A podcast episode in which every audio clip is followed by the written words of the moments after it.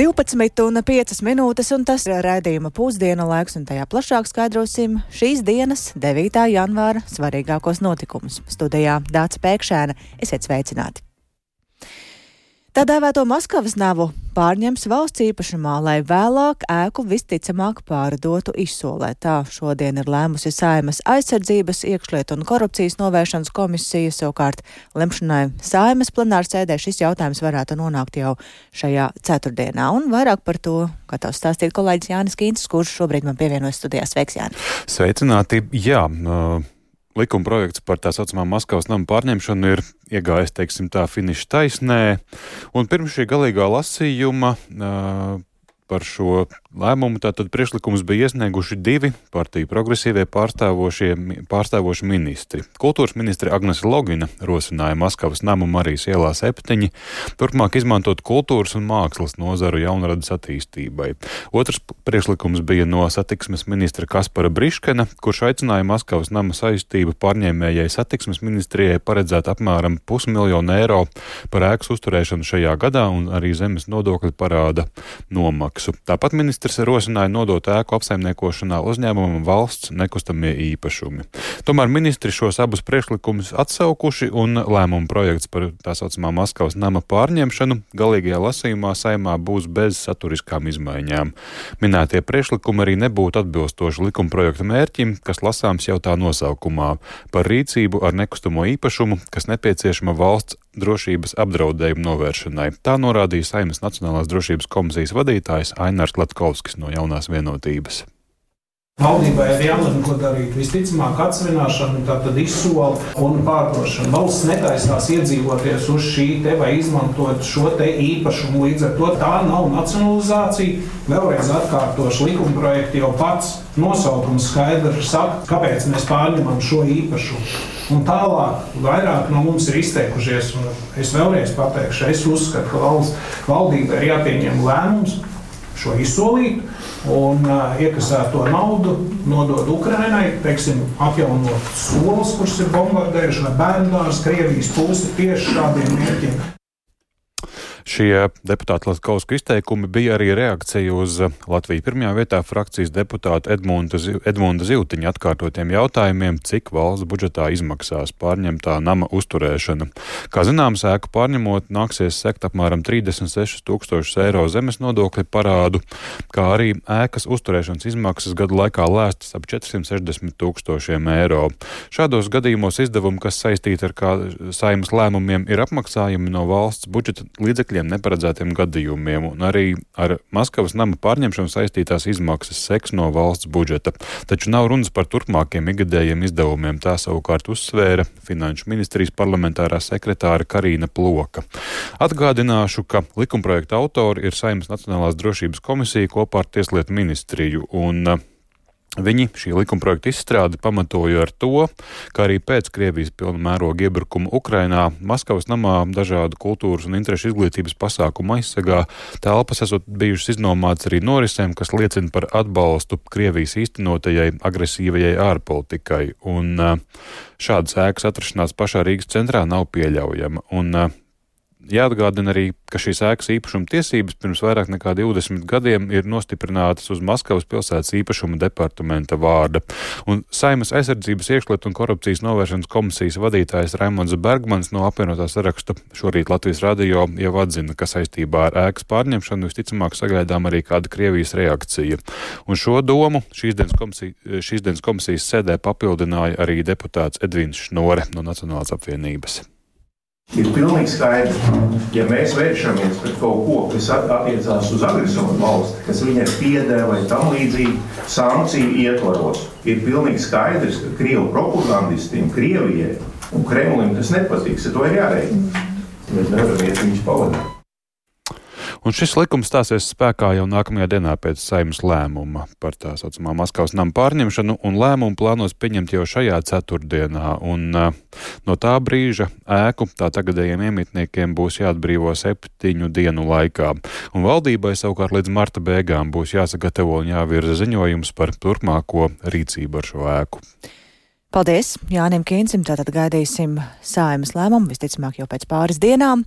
Bet satversmes tiesa šodien sāk skatīt prasību par to, ka Krievijas pilsoņiem jaunas uzturēšanās atļaujas iegūšanai ir jāpliecina latviešu valodas zināšanas. Tiesa ir saņēmusi vairākas Krievijas pilsoņu sūdzības un ir ierosinātas četras lietas, kas vēlāk apvienotas vienā, un šajā gadījumā iesniedzēji ir vairāki desmiti Krievijas pilsoņu, bet vairākos gadījumos lietas ierosināšana arī atteikti, jo nav izpildītas prasības pieteikumu iesniegšanai. Tā šorīt raidījumā labrīt kolēģiem Artai Skujai un Laurim Zvejniekam sacīja satvērsmes tiesas tiesnese Anita Rodiņa. Viņas teikto par lietas būtību būtību vairāk varam paklausīties sarunas fragmentā. Satversmes tiesā būs jāvērtē pēc būtības divas apstrīdētās normas, jo jūs jau zināt, ka satversmes tiesa vērtē tikai un vienīgi tiesību normu atbilstību augstāk juridiski spēka tiesību normai. Pirmā norma, kas ir apstrīdēta, paredz izslēgt no imigrācijas likuma to regulējumu, kas paredzēja, ka pastāvīgās uzturēšanās atļaujas var saņemt Latvijā dzīvojošs ārzemnieks, kurš pirms šīs citas valsts pilsonības iegūšanas bija Latvijas pilsonis vai Latvijas nepilsonis. Tātad norma paredzēja nu, tādu atvieglotu pastāvīgās uzturēšanās atļaujas saņemšanu šīm personām. Tātad šīm personām nebija jāpierāda valsts valodas zināšanas, nebija arī jāpierāda iztiks minimums un netika prasīta arī šī uzturēšanās Latvijā. Tātad šī ir viena no apstrīdētām normām, un otra imigrācijas likuma pārējais noteikuma 58. punkts, kas attiecas tikai uz Krievijas federācijas pilsoņiem, kuri tātad bija saņēmuši šo pastāvīgo uzturēšanās atļauju šajā atvieglotajā kārtībā. Tātad šiem Krievijas federācijas pilsoņiem likumdevējs bija noteicis, ka pastāvīgā uzturēšanās atļauja ir derīga līdz 23. gada 1. septembrim, Un, ja šā persona vēlas uzturēties Latvijā arī turpmāk, tad tai līdz šim datumam bija jāiesniedz valsts valodas zināšanu apliecinošs dokuments. Tātad šīs ir tās divas normas, kuras tiks izvērtētas šodien un arī turpmākajās dienās satversmes tiesā. Tiesa uzklausīs arī pieteikumu iesniedzējus, viņiem būs jāuzstājas ar kādām liecībām? Jā, tieši tā. Satversmes tiesas process notiek noteiktā kārtībā. Vispirms savu viedokli pauž pieteikumu iesniedzējs, pēc tam savu viedokli izklāsta saimnes pārstāvis. Protams, tiek uzdot arī jautājumi, un pēc tam satversmes tiesa uzklausa pieaicinātās personas. Nu, par pieaicinātām personām tiesa atzinusi vairākas personas, kuru viedoklis var palīdzēt noskaidrot patiesību šajā lietā. Nu, piemēram, iekšlietu ministrija, pilsonības un migrācijas lietu pārvalde, valsts izglītības satura centrs, valodas centrs un citas personas.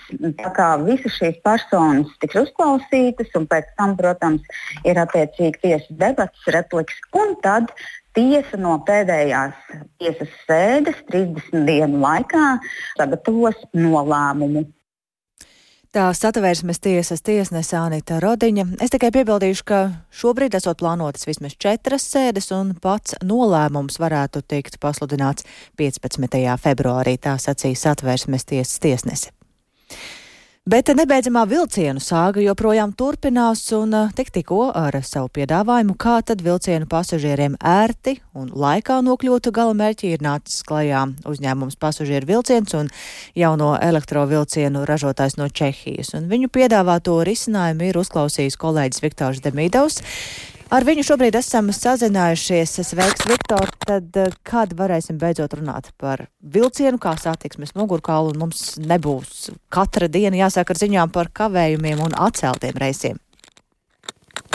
Jā, sveiki, Dārcis! Sveicināti Latvijas radio klausītāji. Satiksmes ministrijā nu pat noslēgusies preses konference, kurā nozares ministrs paziņoja, ka par jauno vilcienu defektiem Latvijas sabiedrība nemaksās ne centa. Visu noseks Čehijas ražotāja Škoda Vagonka. Tātad eh, puses ir vienojušās, ka divu mēnešu laikā ražotājiem ir jāsagatavo 95% vilcienu, lai tie būtu kvalitatīvi. Tātad tam parkam ir jābūt pilnvērtīgam, lai tas varētu saulēcīgi arī nogādāt pasažierus no punkta A uz punktu B.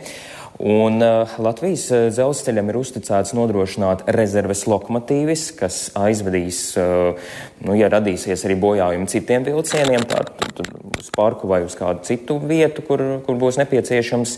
Un būs arī nodrošināta pasažieru apziņošana vilcienos, ja tas kavē, tātad reizi 15 minūtēs informējot cilvēkus par kavējumiem.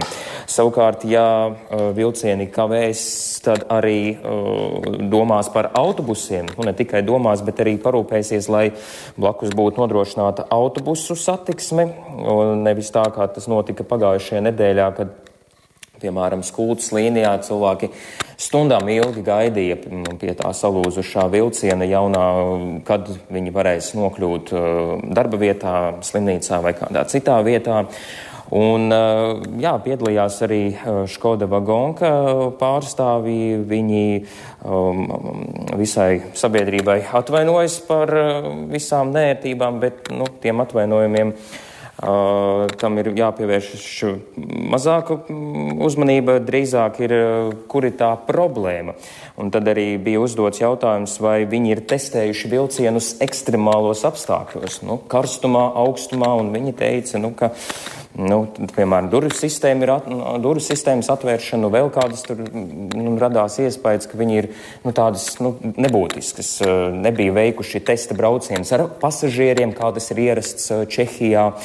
Un, Tādi ir tie galvenie secinājumi, bet tad plašāk par šodienas dzirdēto lūdzu noklausīsimies pasažieru vilciens vadītāju Rodžeru Jāni Griguli.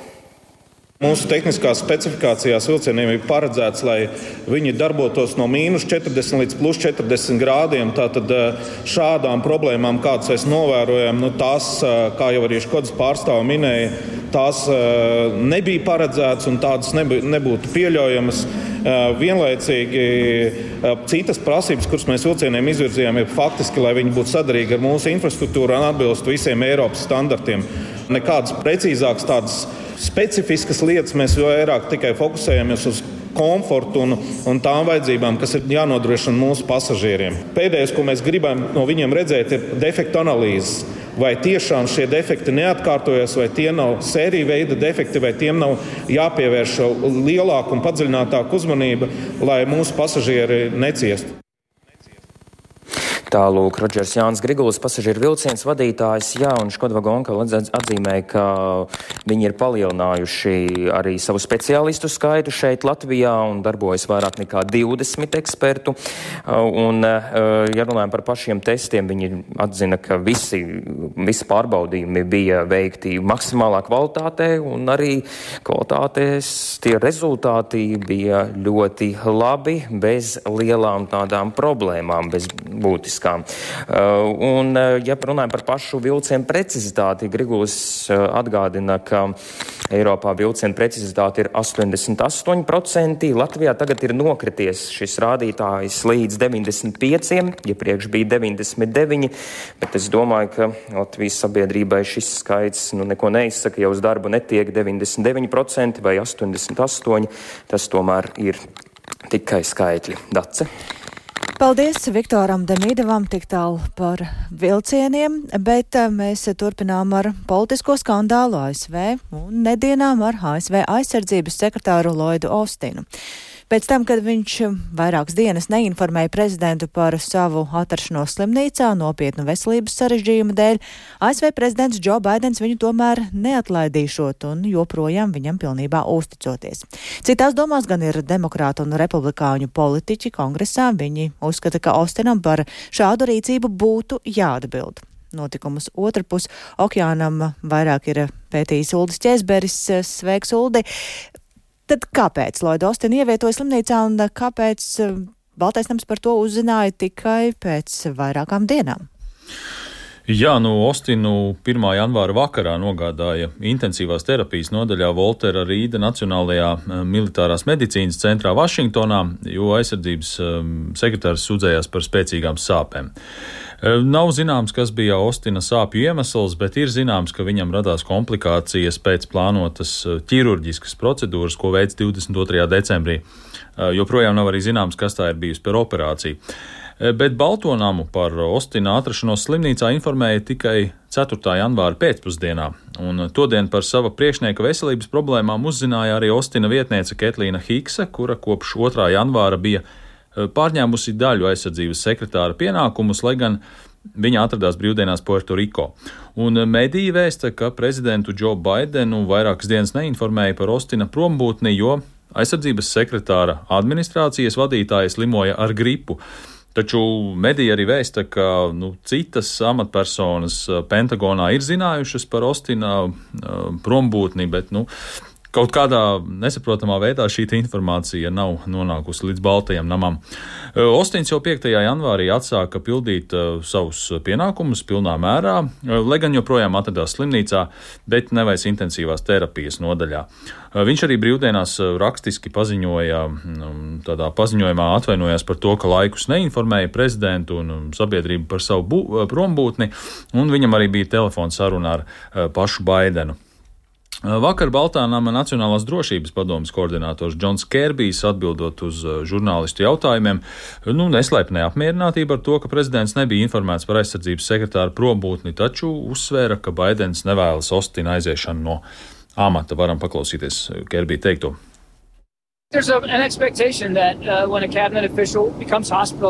Tiek sagaidīts, ka gadījumā, ja kāds no valdības locekļiem nonāk slimnīcā, par to tiks paziņots augstāk stāvošajiem. Netiek izskatītas nekādas citas iespējas, kā vien tas, ka sekretārs Ostins paliks amatā un turpinās pildīt savus pienākumus. Prezidenta prioritāte numur viens ir Ostina kunga atvesaļošanās un pēc iespējas drīzāk atgriešanās Pentagonā. Prezidents ciena to, ka sekretārs Ostins uzņēmās atbildību par atklātības trūkumu. Mēs pārskatīsim procedūru un mēģināsim mācīties no šīs pieredzes. And, uh, Jo jāsaka, ka ASV militārajā komandā aizsardzības sekretārs ir otra augstākā amatpersona aiz prezidentu, un viņam nu, faktiski vienmēr ir jābūt pieejamam, lai reaģētu ārkārtas situāciju gadījumā. Nu, protams, neapmierinātību ar Ostinu un viņa padoto rīcību ir pauduši arī kongresa deputāti gan no demokrātu, gan no republikāņu partijas. ASV Senāta bruņoto spēku komitejas loceklis republikāns Rodžers Vikers paziņoja, ka kongresmeņi vēlēsies uzklausīt paskaidrojumus no Ostina. Mums ir zināmas ļoti satraucošas lietas. Sekretārs pameta savas mājas neatliekamās palīdzības automašīnā. Tātad tas bija nopietni. Vai viņam bija nepieciešama operācija, vai viņam bija nepieciešama pilna narkoze, vai viņš saņēma medikamentus, kas varēja viņam liekt pieņemt lēmumus. Šis lietas notiek laikā, kad pasaule ir ārkārtīgi nemierīga un pastāv liela iespēja, ka mēs pieredzam karu trīs frontēs in three theaters. Jā, nu, tikmēr citi vadošie republikāņu politiķi, tos ar bijušais prezidents Donalds Trumps, ir pieprasījuši Ostina atkāpšanos. Nu, sekosim līdzi, kā šī sāga turpināsies, bet nu, pagaidām vismaz eh, no prezidenta puses eh, Ostinam ir uzticība, viņš paliks amatā. Paldies Oldim Čēsberim tik tālu par notikumiem ASV, bet um, Krievijas īstenotais nežēlīgais karš Ukrainā turpinās atgādinot, ka nedrīkstam atslāpt arī ar palīdzību Ukrainai. Tā aizvien ir ļoti vajadzīga. Jaunus veidus, kā palīdzēt, meklē arī biedrība Tavi draugi, kas ir nākus klajā ar ieceri tuvāko mēnešu laikā atvērt labdarības veikalu, lai mantiskos ziedojumus pārvērstu naudā, un par to vairāk šobrīd runāsim ar Tavi draugi draugi labdarības veikalu projektu vadītāju Zāni Priedīti. Labdien! Labdien! Labdien. Vispirms par to, kā vispār radās šāda ideja par labdarības veikalu. Mm -hmm. um, mūsu biedrība jau ilgstoši aicina cilvēkus ziedot, jo mēs palīdzam gan šeit Latvijā dzīvojošiem ukrāņiem, gan sūtam ļoti daudz arī dažādas apģērbus, apavus un pārtikas pakas uz pašu Ukrainu. Uh, Bet ir arī tādas uh, lietas, ko mēs saņemam ziedojumos, uh, kas īsti nav tāda top pirmā aktualitāte uh, šai mērķa grupai. Bet tās ir ļoti labas un lieliskas lietas, kuras mēs arī gribam nu, laist tā tādā labdarībā tālāk. Un tieši tāpēc mums ir radusies ideja, ka mēs vēlam, vēlamies caur šo labdarības veikalu, piemēram, tādas lietas kā augstspēju kurpes, nezinu, vai tur kaut kādas īpašas balles, tērpus, pārvērst uh, finansiālos ziedojumos. Un, uh, mūsu mērķis, jā, jā, jā, Jā, jūs jau pieminējāt nu, augstspēju kurpes, bet kādas vēl preces varētu nonākt šādā labdarības veikalā un mm -hmm. gal galā kā mēs ik viens varam piedalīties tā izveidēji?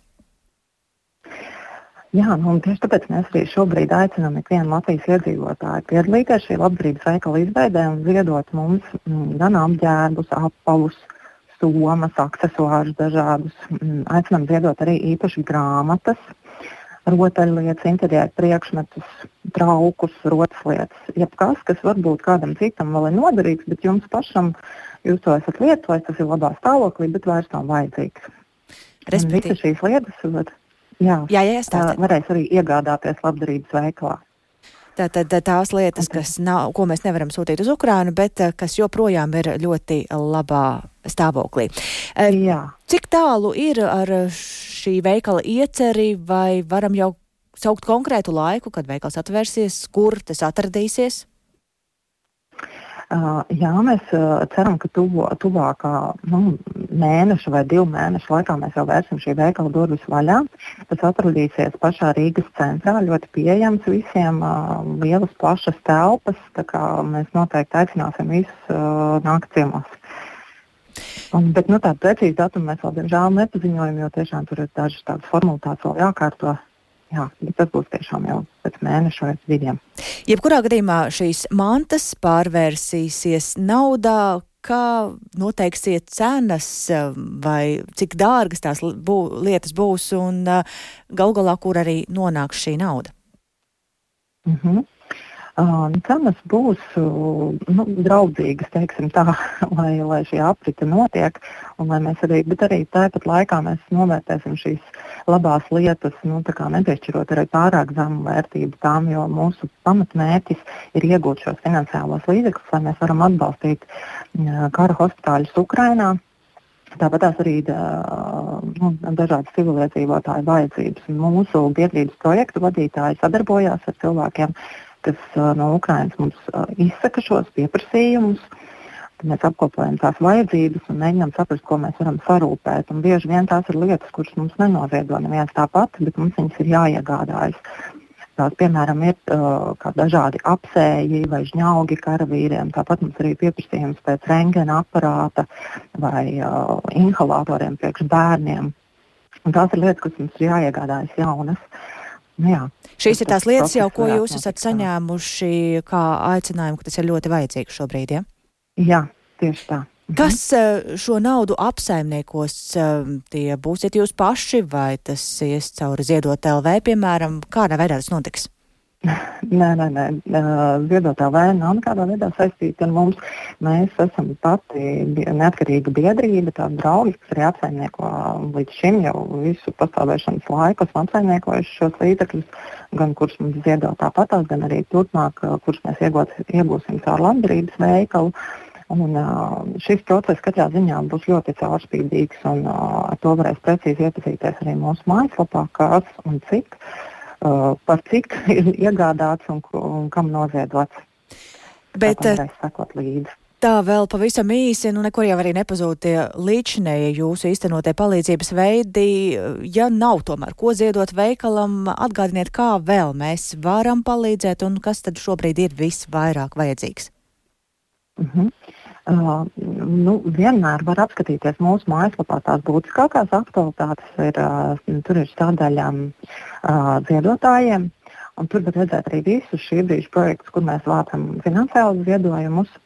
Bet tāpat tās turpinās uh, arī dažādu pārtikas paku pakošana. Mēs ļoti priecājamies vienmēr par um, nu, šķīstošo kafiju, piemēram, karavīriem vai siltām zeķēm, zābakiem, pufaikām.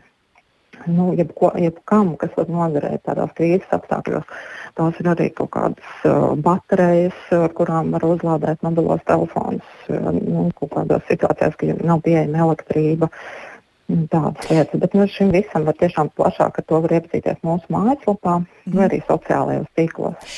Respektīvi, vajadzību netrūkst. Paldies par eh, sarunu tavi draugi labdarības veikalu projektu vadītājai Zanai Priedītai, un ar to tad eh, šobrīd arī izskan raidījums pusdiena. To producēja Ilze Agīnta, ierakstus montēja Uldis Grīnbergs, par labskaņu rūpējās Īveta Zvēniece un ar jums sarunājās Dāca Pēkšēna.